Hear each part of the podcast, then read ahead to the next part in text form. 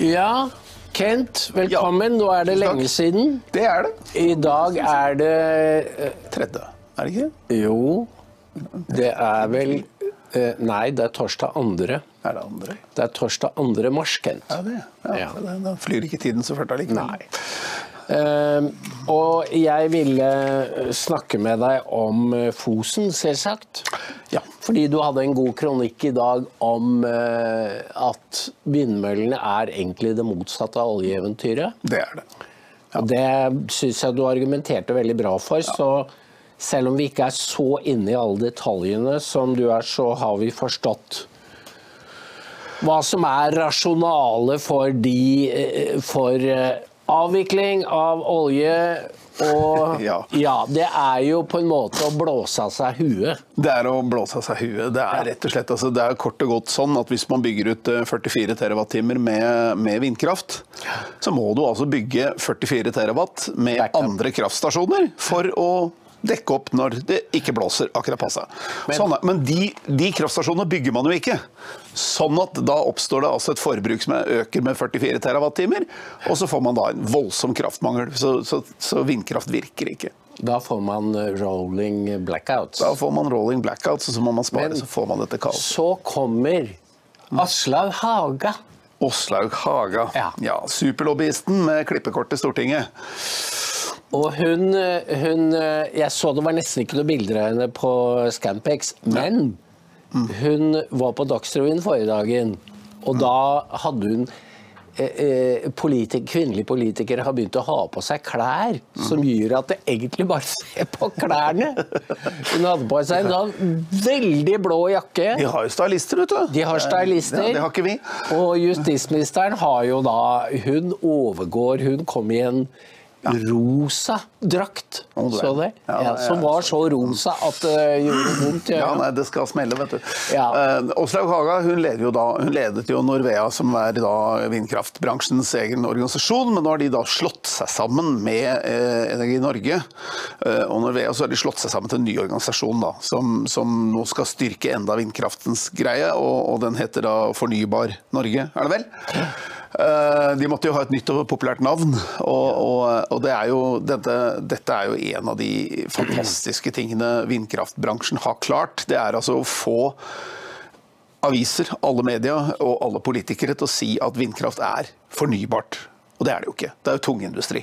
Dette er tungindustri, dette er svære monstermaskiner fulle av tannhjul, olje, elektronikk. Eh, og de lever i 15 år og kverner ut produktet sitt av og til. Eh, 24,6% av tiden. Eh, og det har altså ingenting med fornybart å gjøre. Det er jo ikke det. Dette er bare en voldsom økning av ressursbruk og voldsom forbruk av natur til industriområder. Og det at man har klart å liksom få alle miljøorganisasjoner til å si at vindkraft er fornybart, det er helt fantastisk at man har fått til. For det er blank løgn. Så altså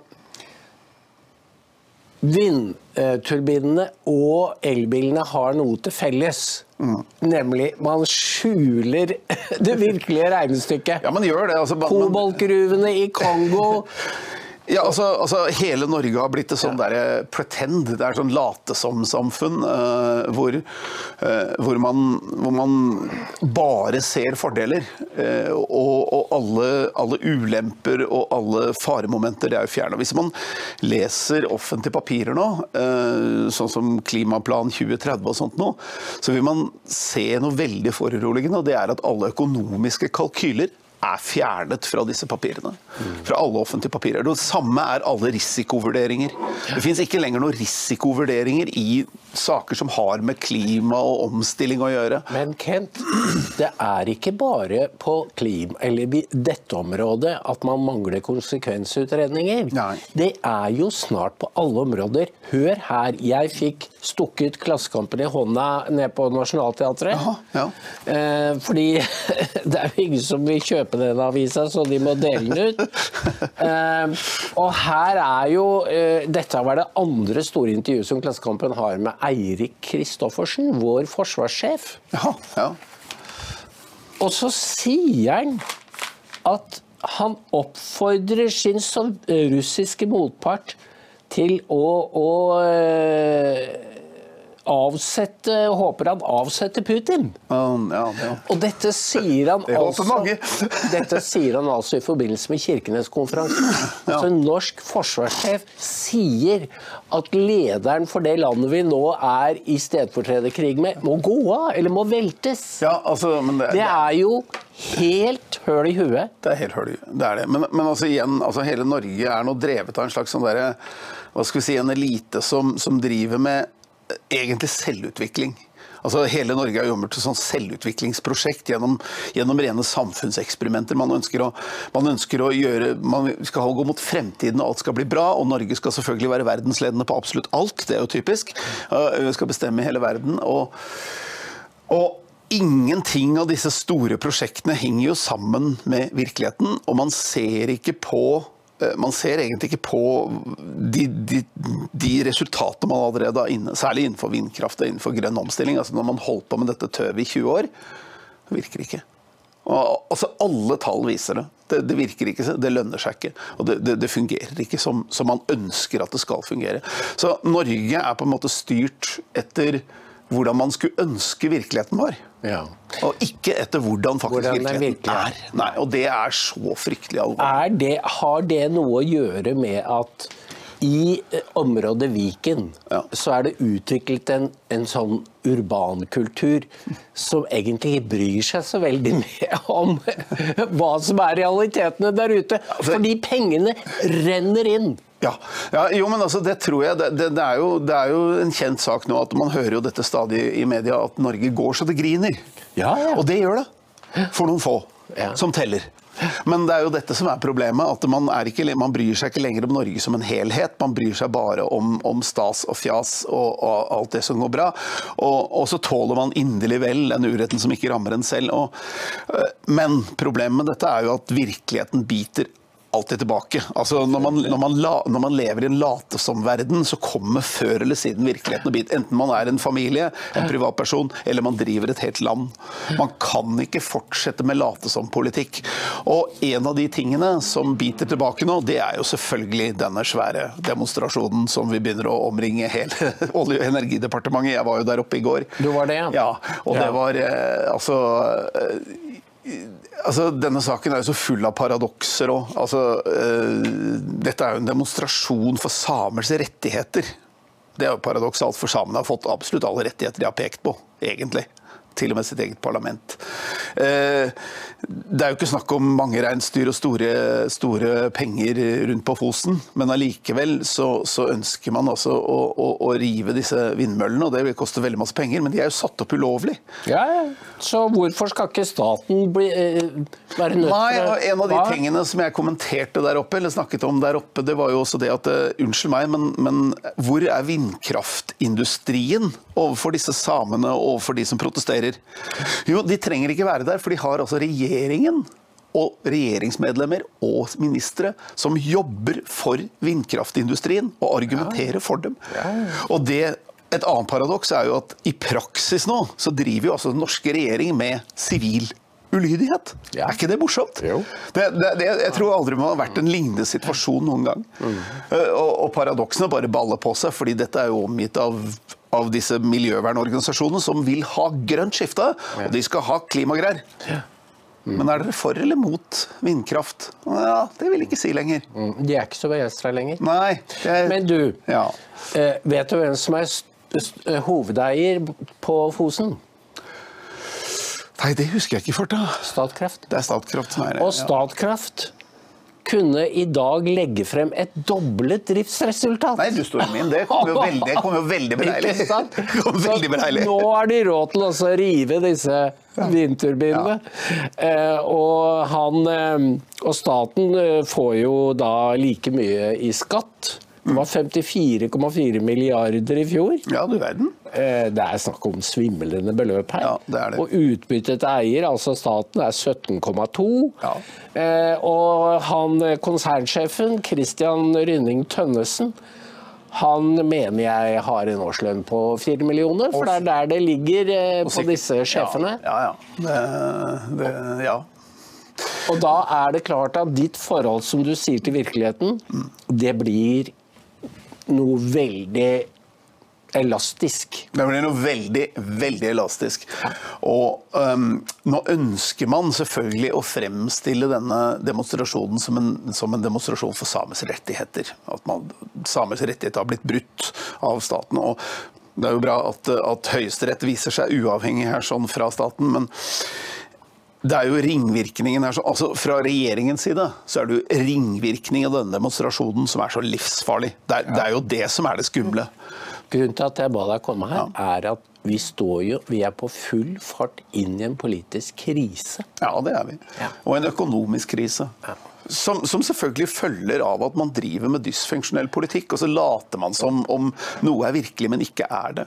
Men en regjering fra Arbeiderpartiet og Senterpartiet kan ikke være og i allianse med SV kan ikke være bekjent av å oversitte Høyesterett med over 500 dager, og så sette seg på bakbeina og si ja, men vi kan vel snakke om det. Ja, Vi kan snakke om det, og så sier man at ja, men vi må tolke denne dommen. Men så dommen er egentlig klokkeklar. Ja, er. Det er, altså, nå sier jo selvfølgelig ikke dommerne at dere må rive, dere må rive vindmøllene, men de sier at det her, de er satt opp ulovlig. Ja. De er ikke, altså, og da må man begynne å spørre hvordan kan en konsesjonsprosess gå gjennom på denne måten uten å være skikkelig utreda? Hvem bestemte det, og hvem fikk betalt for det? Hvorfor ser ikke Økokrim på slike saker? Og Nå sitter man da i en skvis, for dette er jo Norges største vindpark. Jo, øh, de første ble vel satt opp i 2019 og 2020, og det skal jo utvides enda mer, er jo planen. Og dette er jo et prestisjeprosjekt. Og problemet her er at Støre og regjeringen kan ikke si nei til Høyesterett. De kan ikke overse norsk lov, men det gjør de.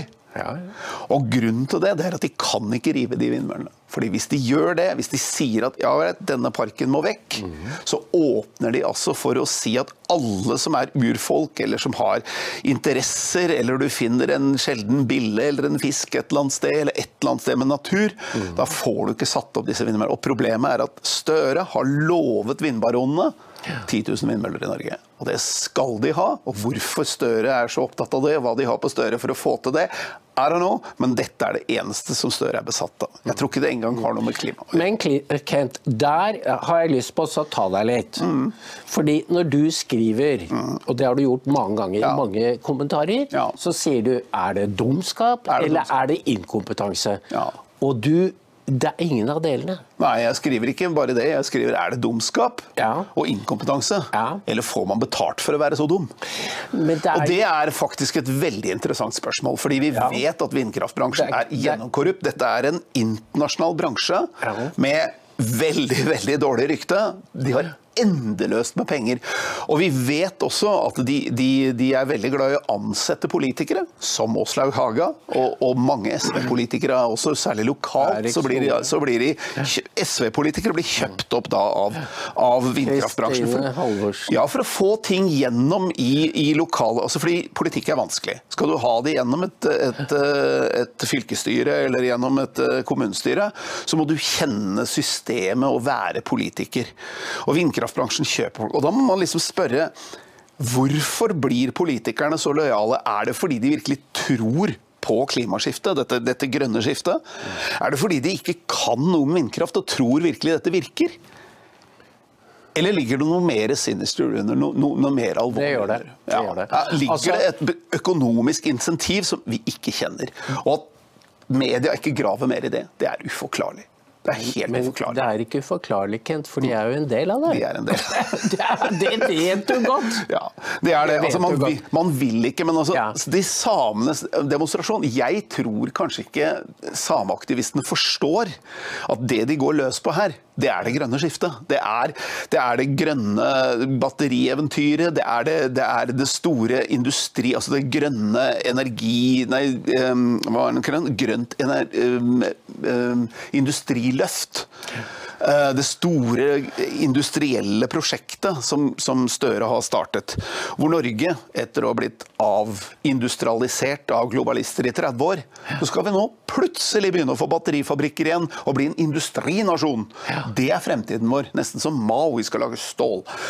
Og dette har ingen logisk mening, fordi Norge er jo ikke en industrinasjon lenger. Det er jo ikke, vi selger klær, vi har butikker og vi har rørleggere og sånt, men store industriprosjekter har jo ikke Norge drevet med Ja. Vi har jo Bortsett fra olje. Ferrolegeringsindustri. jo, jo, vi har det, som er basert på billig strøm osv. Ja, det er basert på billig strøm. Men det har de jo tatt fra. Altså, dette komparative fortrinnet har jo Støre ødelagt. Ja, ja. Og allikevel så starter de altså med grønt industriløft, hvor det skal bygges enorme fabrikker over hele Norge, som selvfølgelig vil ta mye arealet fra naturen. Som også snakker om gruvedrift og masse greier.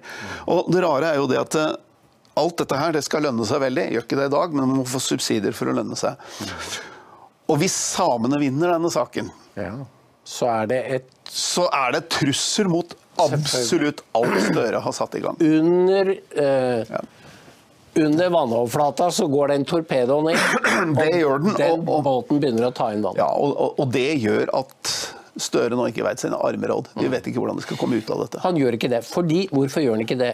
Støre er en duks fra beste vestkant. Det er. Det er det eneste han kan. Ja. Det er det stammespråket på vestkanten og i diplomatiske uh, sirkler. Og- og i EU. Han vet, og i EU. Han vet egentlig ikke noe om Norge. Nei. Han er ikke- helt fremmed. overfor Han er ikke egentlig interessert i Norge. Han er Nei, ikke det. det tror jeg heller Det tror jeg heller Nei. Nei. Men til det du snakker Altså, det grønne skiftet og alt dette går jo inn i den grandiose planen for den store omstillingen. Den store omstillingen. Det er det. Og det begynner en del folk på venstresida å lukte. Ja, det det lukter Fisken råtner fra og ned. Ja, de sier det. Ja, Og den, den lukta sprer seg. Ja, ikke bare det, men, men, men så skjønner også mange fra altså, altså, Miljøorganisasjonene i Norge de har jo i veldig, veldig, de har i alle år egentlig vært veldig preget av venstresiden. Altså Miljøkamp og naturvern og alt dette har ofte vært venstresidens side, dessverre, eh, istedenfor en tverrpolitisk sak. Men nå begynner jo også, nå begynner disse aktivistene å, å kjenne eimen av kapitalkrefter. Ja, Ja, Og klimasaken, altså det er jo lenge siden klimasaken ble kuppet av kapitalskrefter, fordi de ser at dette er en metode å si at ja, vi kan selvsagt redde kloden, men da må vi ha subsidier. Og det får de. Så milliardene renner inn, og skurker, skurker av samme kaliber som, som skapte finanskrisen i 2008, de strømmer til Norge for å få en del av denne bobleøkonomien dette er. Og venstresida, aktivistene som sitter der, som tidligere satt lenka i Stilleland og sitter utafor, de kjenner at hvem er det egentlig vi jobber for her nå? Hvem er det egentlig vi er imot, og hva er vi for? Og, det, og denne debatten det er det jo ingen som vil ha. Ingen vil ta den, fordi den er helt umulig å komme gjennom. Altså, strømprisene har jo slått beina under tilliten til en regjering fra Arbeiderpartiet og Senterpartiet. Ja. På forhånd! Og så kommer denne Fosen-saken, er liksom bare det som får det hele til å begynne å vippe. Ja, det er, det, det, det, er en katastrofe, og det, Det finnes egentlig ingen gode veier ut av dette. Men et veldig sunnhetstegn er jo som sagt at det er tydelig her at Høyesterett er i hvert fall ikke politisk styrt. For da hadde Høyesterett ikke kommet fram til dette. Så, og, og det er jo paradoksalt. Vi, vi har altså en regjering som fører så dårlig politikk på energi at de er nødt til å kompensere folk med offentlige penger for å overleve pga. strømprisene. Vi føler så dårlig politikk her. her har dere penger betalt så dere ikke skal lide nød av politikken vår. Istedenfor å forandre på politikken. Tenk Men det det. er jo Nå begynner det å gå opp for folk at alt dette henger sammen. Ja. Sånn at de vil heller ikke ha presse- og ytringsfrihet. Fordi eh, ø- ø- ø- Du skal ikke si din mening, for de vil ikke ha en opposisjon. De vil ha en kontrollert opposisjon. De vil ha en kontrollert opposisjon. Problemet er at det var mulig i 1990. Men i dagens sosiale medier er det komplett umulig. Man kan ikke kontrollere hva folk blir fortalt lenger. Det er rett og slett ikke mulig. Så sannheten lekker ut i alle De prøver. De prøver, selvfølgelig. Og, og det er jo en kjempenytt at NRK Altså Når NRK får høre at Vestre skal åpne en batterifabrikk, eller han skal åpne sin egen møbelfabrikk og få subsidier, eller når han skal åpne det grønne, grønne, grønt industriløft eller sånne ting, så kommer jo VG og Aftenposten og TV 2 og NRK de kommer og intervjuer, og alle jubler. Nå blir det 5000 arbeidsplasser og 10 000. Det er aldri et kritisk spørsmål. Aldri. Det er ingen som stiller spørsmålet unnskyld meg, vi har lest rapporten her sånn. Hvor er risikovurderingen? Og hvem går av og får sparken hvis dette feiler? Hva gjør vi da? Og det finnes ikke, en- altså, Å drive et samfunn uten risikovurderinger, det er altså så livsfarlig. Ja, og det er de jo det som er i ferd med å smelte ned. Ja, og de stiller ikke spørsmål. Og heller ikke ved krigen. Nei. Altså, de har fått en krig hvor de bare sier pøs på! Ja, Tøm lagrene! Ja, altså, og dette, dette signalet og, denne, og dette, alt dette her baller jo opp til et signal som er veldig veldig irriterende for folk. Fordi de har ikke råd til eldreomsorg. Har ikke råd til fødeavdelinger. Nei, men- Har ikke råd til sykehus. Men- Men, de har endeløst med penger til sine egne prestisjeprosjekter. og Derfor jeg sier at Norge har blitt et sånt selvutviklingsprosjekt for en politisk elite. Hvis de får en eller annen idé om at Norge skal Nei, nå skal vi jammen vinne krigen i Ukraina. Masse milliarder. Nei, nå skal vi bygge batterifabrikker. Her er milliarder. De har sånn tryllehatt, så de kan trylle milliardene opp av uten problemer. Men hvis du kommer og ber om at vi trenger en million til eldreomsorg i kommunen Ah, ah, det, det, her må det skjæres ned. Ja. Det er, nå, det er, dette er uforklarlig. Dette er veldig må, dårlig måte å styre Nå, har, nå er det jo flere eh, tegn til at den grønne, eh, den store omstillingen At man reverserer og bakker ut og sier at altså- det er ikke snakk om å forby fossilbiler innen 2035.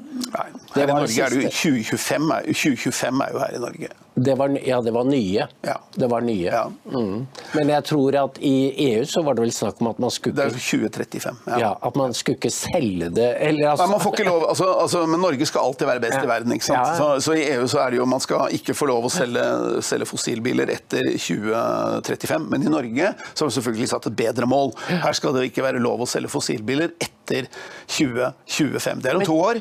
Og lykke til med det oppe i Nord-Norge. Ja, og der, det kan jeg selv si etter denne vinteren her, når jeg ser altså strømforbruket på en Tesla om vinteren, Ja. det er altså så høyt at det, det, når det står 40 mil, Ja. det er bare, det er bare Det står ikke så lenge. det står ikke lenge, fordi den bruker dobbelt så mye som det du uh, På grunn av alt som går på strøm når det er kaldt. Ja, og nå har vi ennå ikke hatt noen superkald vinter her Og på Østlandet. dette har jo folk funnet ut. Nå ser de at du I Norge går det ikke an å kjøre elbil om vinteren langt oppover i, i Dalom. Altså, De som eier elbil, eh, de er jo strålende fornøyd. Altså, Uansett hvor langsomt de kjører, eller hvor ofte de må lade, eller hvor kort de kommer, eller hvor, hvor, hvor, eh, hvor mange burgere de må spise, så er de alltid kjempefornøyd. Nei, det beste bilen jeg har hatt! De er akkurat som Citroën-eiere på 80-tallet. Hans. Citroën-eiere på 80-tallet, det var beste bilen i verden! Det var aldri noe feil med den! Og så sier du ja, men han står på verkstedet hele tida. Nei, nei, beste bil. Beste bil. Og så- det er litt sånn for batteribileiere. Det er pussig, men virkeligheten. Virkeligheten vil inn. Man er innhentet av virkeligheten Ja. og ser at den var ikke så rosa som man trodde da det var sommer og, og varmt i været. Og det er liksom på område etter område. Ja, altså dette er jo fordi, altså dette er jo også skrevet om, det er jo fordi at dette er jo planøkonomi. Det er jo ikke lenger, Folk får ikke lenger bestå, lov til å, til, å, til å si at vet du hva, nå skal jeg varme opp huset mitt med oljefyr, for det er best for meg. Og jeg skal kjøre en dieselbil, for det er best for meg. Nå er det altså politikere, nå er det politikere som bestemmer at nei, oljefyr det er best for strøm er best for deg, og batteribil er best for deg, for det har jeg bestemt. Og dette er jo planøkonomi. Dette er jo det det er. Jeg hørte apropos det du sier om backup, at du må ha backup som er like mye. Fordi det var jo dette flisanlegget på Gardermoen, hørte du det? Nei, det har jeg ikke hørt om. Jo, altså De har bygd et enormt flisanlegg Ja. som varmer opp varme vannet med flis. Med flis, ja. Hvor Treverk. mange, hvor mange toglaster var det i døgnet det, det anlegget måtte eh, fôres med? Jeg tror det var tolv eller noe sånt. Det var helt vanvittig. Ja, det er helt vanvittig mye. eh, Og allikevel! For det skulle varmes opp én eller to millioner liter vann. Ja. Ja. Men varmt vann, men allikevel, når det blir kulltopper, Ja. så klarer ikke levere. Klarer ikke levere. Da må de ha strøm! Det er fordi flis er mye mindre energitett selvfølgelig enn kull, f.eks. Så, så man trenger mye mye, mye mer av det. Så er vi tilbake til å fyre med ved, som vi gjorde i steinalderen. i lenge leve. Og, og det, det, det tragiske her, det er jo at det som setter alle disse kriteriene for batteribilene, for omstillingen, for flisfyring, for å ta fra folk oljefyren og alle disse alternative tingene, det er faktisk CO2. Altså plantenæring som vi slipper ut. Altså, vi må nå våre klimamål Det er liksom mantra. Det er religiøst. Det er, det er fullstendig religiøst. Altså dette, er, dette er hva man, vi piloter, jeg har pilotutdannelse, vi kaller target fixation, som man blir advart mot veldig grundig på. Man er så opptatt av ett problem, av én ting, at man krasjer og glemmer alle andre farer. Og, det er jo, og hva er det som skjer hvis Norge ikke oppnår sine klimamål? Hva er det som skjer da? Ingenting. Ingenting. Ingenting. Få litt kjeft i, få litt kjeft i FN og Brussel. Dette er, dette, er tvangs, dette er tvangstanker. Man driver rett og slett et samfunn ut fra psykologiske tvangstanker istedenfor å bruke huet. Og så er det altså Og det kan man gjøre fordi ingen media går opp til disse klimapolitikerne og spør Hør her nå. Hvor fornuftig er dette? Hvor smart er det? Hva vil det lede til? Hva er ringvirkningene? Hva er de negative konsekvensene? Hva gjør du hvis det går gærent? Altså, alle disse kritiske spørsmålene fullstendig fjerna fra media. NRK stiller ikke et kritisk spørsmål. De gjør ikke jobben sin, rett og slett. Nei. I dag er det ikke Rebekka som står her. Hun har mer enn nok med å lage neste rett på sak, hun. Og Erling han er sannsynligvis opptatt med å lage middag.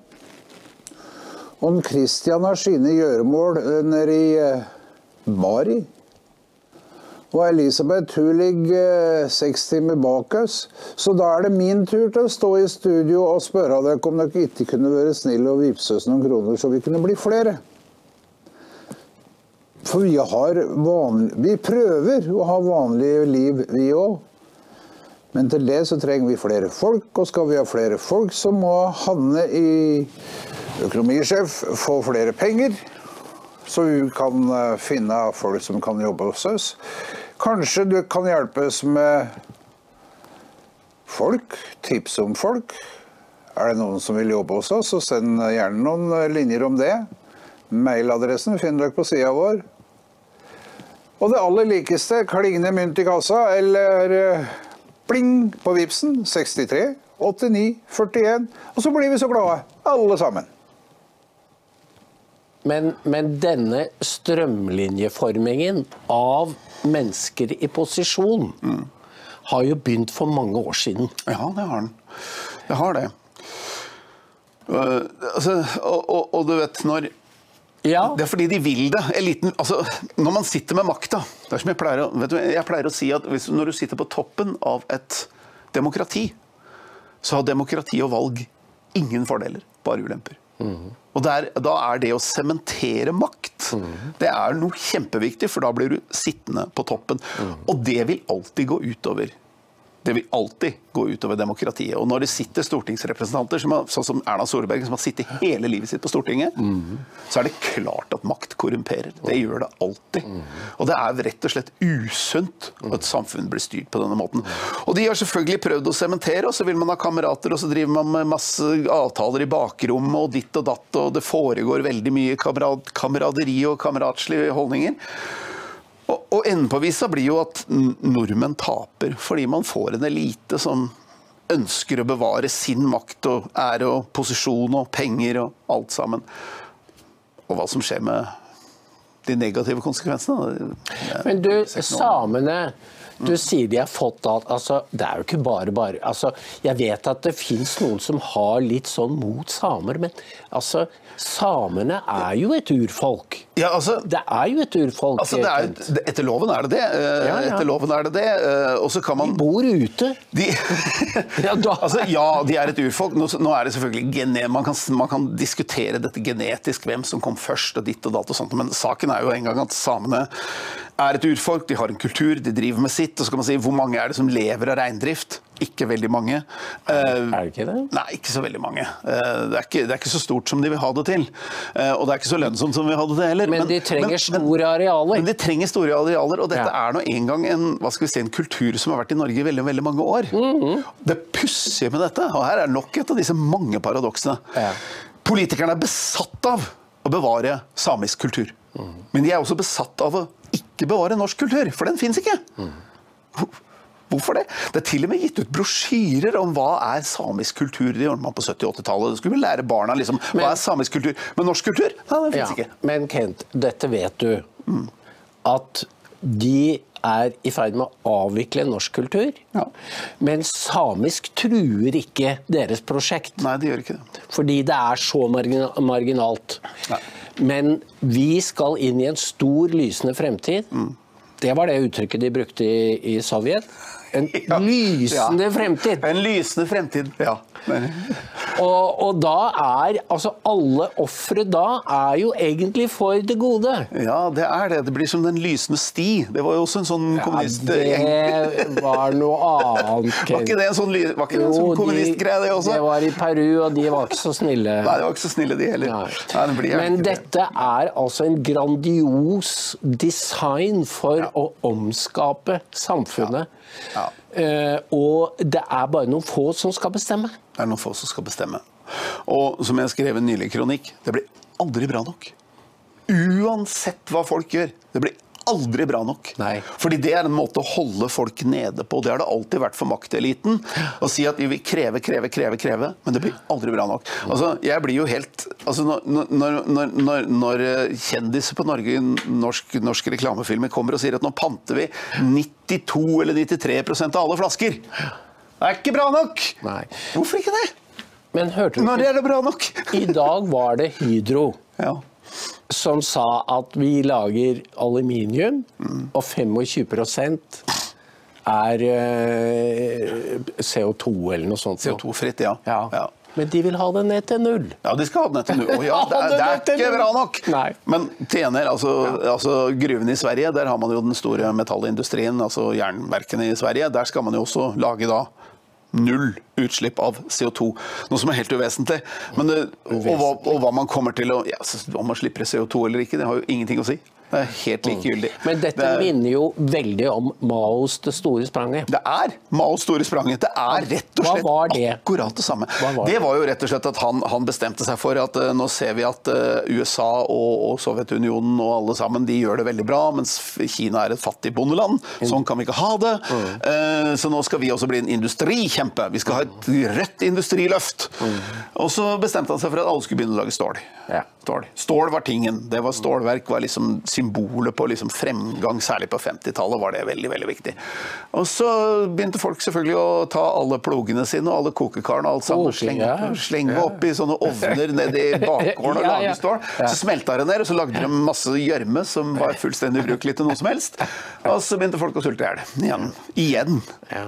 Fordi altså når politikerne har femårsplaner og, og store planer om, om mål og målsettinger, så, er, så kan man være ganske sikker på at ting er i ferd med å gå ordentlig, ordentlig gærent. Da jeg var ung, så var det noe som het Jernverket i Mo i Rana. Det var det. Uh... Og det ble et symbol på statlig industripolitikk. Det ble det. Hvor man kunne bare tømme pengene ned i et svart høl. Ja. Fordi de bare, de bare forsvant. Det bare forsvant. Man lagde, altså, Jernverket lagde jo jern. Det, det resirkulerte jern. Det, det, det hadde gruver, det lagde jern, og lagde jern. eh, Og selvfølgelig lagde pro Problemet var at det, det ligger 1000 mil fra noen steder. Det er superkostbart å produsere noe sånt nå i Norge. Det er også superkostbart å frakte det. sånn at det, det gikk med underskudd hele tiden og måtte subsidieres. Men så var det alle arbeidsplassene og alt sånt noe. Um, det pussige er at i Oslo så fantes jo Spikerverket. Mm. Et svært spikerverk som lå i Nydalen. Ja. Det gikk med overskudd. Det bestemte Arbeiderpartiet seg for å legge ned på 90-tallet. Det samme gjorde de med Sønnak batterifabrikker, Ja. som også lå oppe ved Nydalen. Den ble også lagt ned i 91, så vidt jeg husker. Så batteri... Og til slutt så gikk jo jernverket i Mo i Rana også en del av denne avindustrialiseringen i Norge, fordi man, man, man hadde det komparative fortrinn og disse teoriene om, om globalisering og alt dette her. her sånn. Problemet er at etter 30 år med globalisering, så er vi altså her. Og fasiten er at det virker ikke. Og de legger ned den gruva på Svalbard, Ja, det er jo, det, altså, det er jo som er noe av det reneste kull i verden, så vidt jeg vet. Altså, Det er nesten ikke til å fatte. Det er så dumt. at det, er- altså, og det er en kjempetrussel. fordi etter hva jeg forstår eh, nå har ikke, jeg- skal prøve å komme opp til Svalbard før eller siden eh, og, og snakke med noen der oppe. eh, fordi Vi skulle gjerne hatt noen kontakter der oppe. fordi du har også en gruve med køl. Så er det 30 meter, så lager du et kullkraftverk. og det lager det, All spillvarmen den går til fjernvarmen til husene. Ja. Mens strømmen den går til husene. Ok? Så dette er et, hva skal vi si, det kullkraftverket er et autonomt, system. lite, lite kraftsystem i seg selv. Funker perfekt. Fungerer helt briljant, ingen problemer. De, diesel, de hadde et dieselkraftverk eh, som sto bi hvis man måtte vedlikeholde dette kullkraftverket.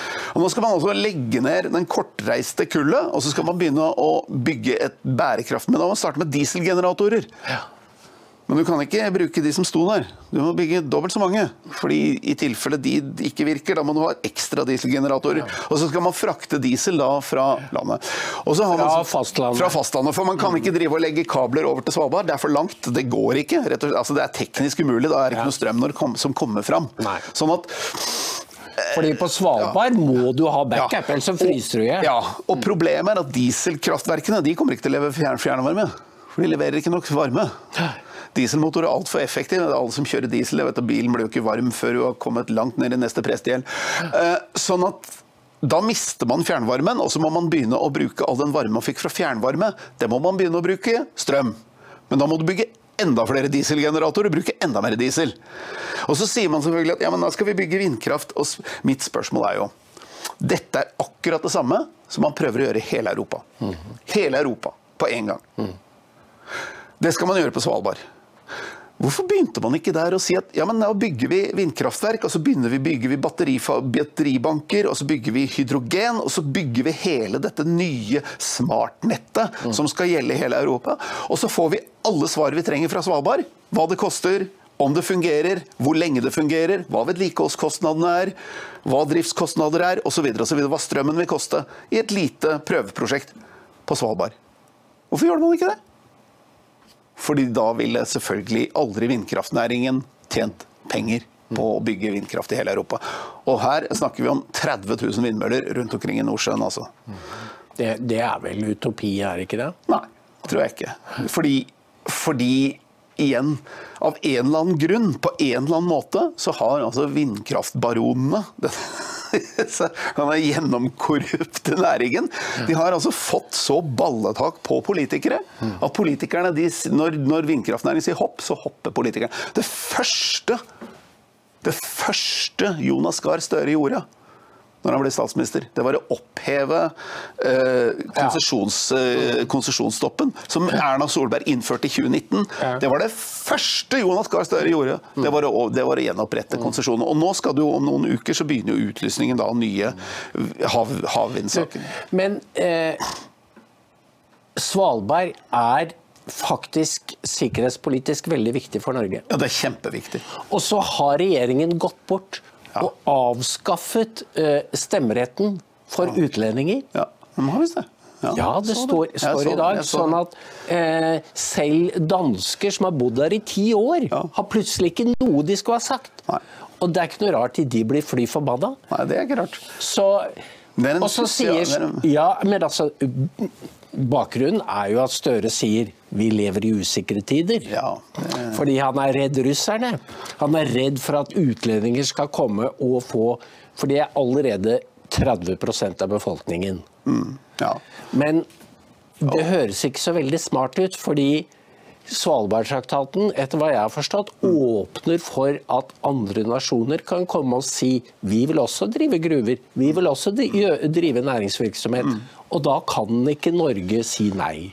Det kan det ikke, men, men det er klart at det, det ville jo vært veldig skummelt om man begynte å landsette såkalte hjelpe, si, hjelpestyrker på altså Hvis russerne begynner å gjøre det samme som de gjorde i Krim, og, ansett, og, og landsette såkalte hjelpemannskap for å hjelpe de russiske som er litt undertrykt på Svalbard, eh, så ville det være et veldig, veldig skummelt. Og det er klart at eh, Putin kan man ikke stole på. Man vet aldri hva han vil finne på. Men, men altså, kan du stole på norske myndigheter som tror at en liten nasjon kan sparke en stor på skinnleggen og Nei, altså, Altså, de har jo lagt seg ut med russerne på Svalbard også. Ja, de har det. De har det. Eh, og det.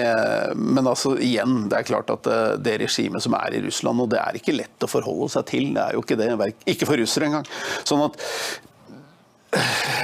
så, så sikkerhetspolitiske situasjonen er jo uh, mye, mye vanskeligere enn er det. Uh, og, og nå kommer jo Kina også og blander seg opp i dette, og det er Ja. Um, Det er spennende tider. Det er interessante tider, som kineserne sa. Det, Men eh, Kent, jeg tror vi vender tilbake til våre egne hjemlige forhold. Og de, Ja. der er det i hvert fall sånn at vi, vi må ikke lage problemer der vi før hadde løsninger. For det er jo det dagens politikere gjør. Ja, de gjør det. Altså, det er det er, altså folk, folk, det, det som er skummelt med det, det er jo at de politikerne de, de blir jo fremstilt i media, altså denne eliten som sitter på Stortinget og i regjeringen, og de blir fremstilt av media som om som de er redningsmenn. Vi skal komme med strømstøtte. Ja, men hvem er det som har laga disse strømhelvete, da? Altså, De skal komme med støtte og kompensasjoner, og det skal, vi skal rydde opp i dette. Men det er jo disse politikerne som skaper problemene. Det er, og, det, og det er på en måte Det blir ikke folk gjort godt nok oppmerksom Men på. altså. jeg tror folk begynner å skjønne en god del. Jeg tror, de blir utdannet av eh, problemene og myndighetenes uvilje mot å, å foreta helt innlysende grep. Altså, altså Folk prater sammen. Før eller siden så blir bullshit avslørt. Og folk, sier, folk snakker sammen fra grend til grend og fra nabo til nabo og sier at vet du hva, unnskyld meg, men dette henger jo ikke sammen. Og i mellomtiden så driver da media og lager en kjempegreie av Sofie Elise. Ja, jo. Det, det er, jeg, jeg tror vi Og en liten, og en drar, liten men det som er interessant drar ikke inn henne. Jo, men skal du si hvorfor dette er interessant? Ja, vet, vet, vet, vet du hvorfor de gjør det? Nei. Det er ikke fordi det er den lille posen som var på det bildet som nesten ingen så. Det er fordi Sofie Elise sier hva om vi bare gir en million Livet blir en million Milliard. Ganger, milliard ganger bedre hvis vi gir litt faen. Og det kan ikke moralistene tåle. Hvis du gir bla Folk som gir blaffen, de bryter ut av de moralistiske greiene. Vi må, vi må dit, vi må datt, vi må dit. Og det er et veldig veldig farlig signal. Vi kan ikke ha Ja. folk som går rundt og sier 'pass dine egne saker' nå. altså. Jeg Eller- tror vi sier setter strek, jeg. da». ok? Ja, jeg tror vi skal sette strek. Takk for i dag. Takk for i dag.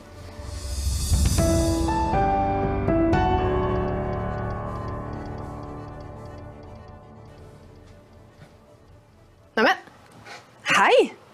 Har du også antistatlige holdninger? Ja, da har du kommet til rett sted. Da er Dokk-TV noe for deg. Men for at vi skal kunne lage Dokk-TV, så er vi avhengig av din støtte. Vips et bidrag til 63 89 41. Takk. Husk å vips, ellers så kommer klimatroll og tar deg! Og jorden går under.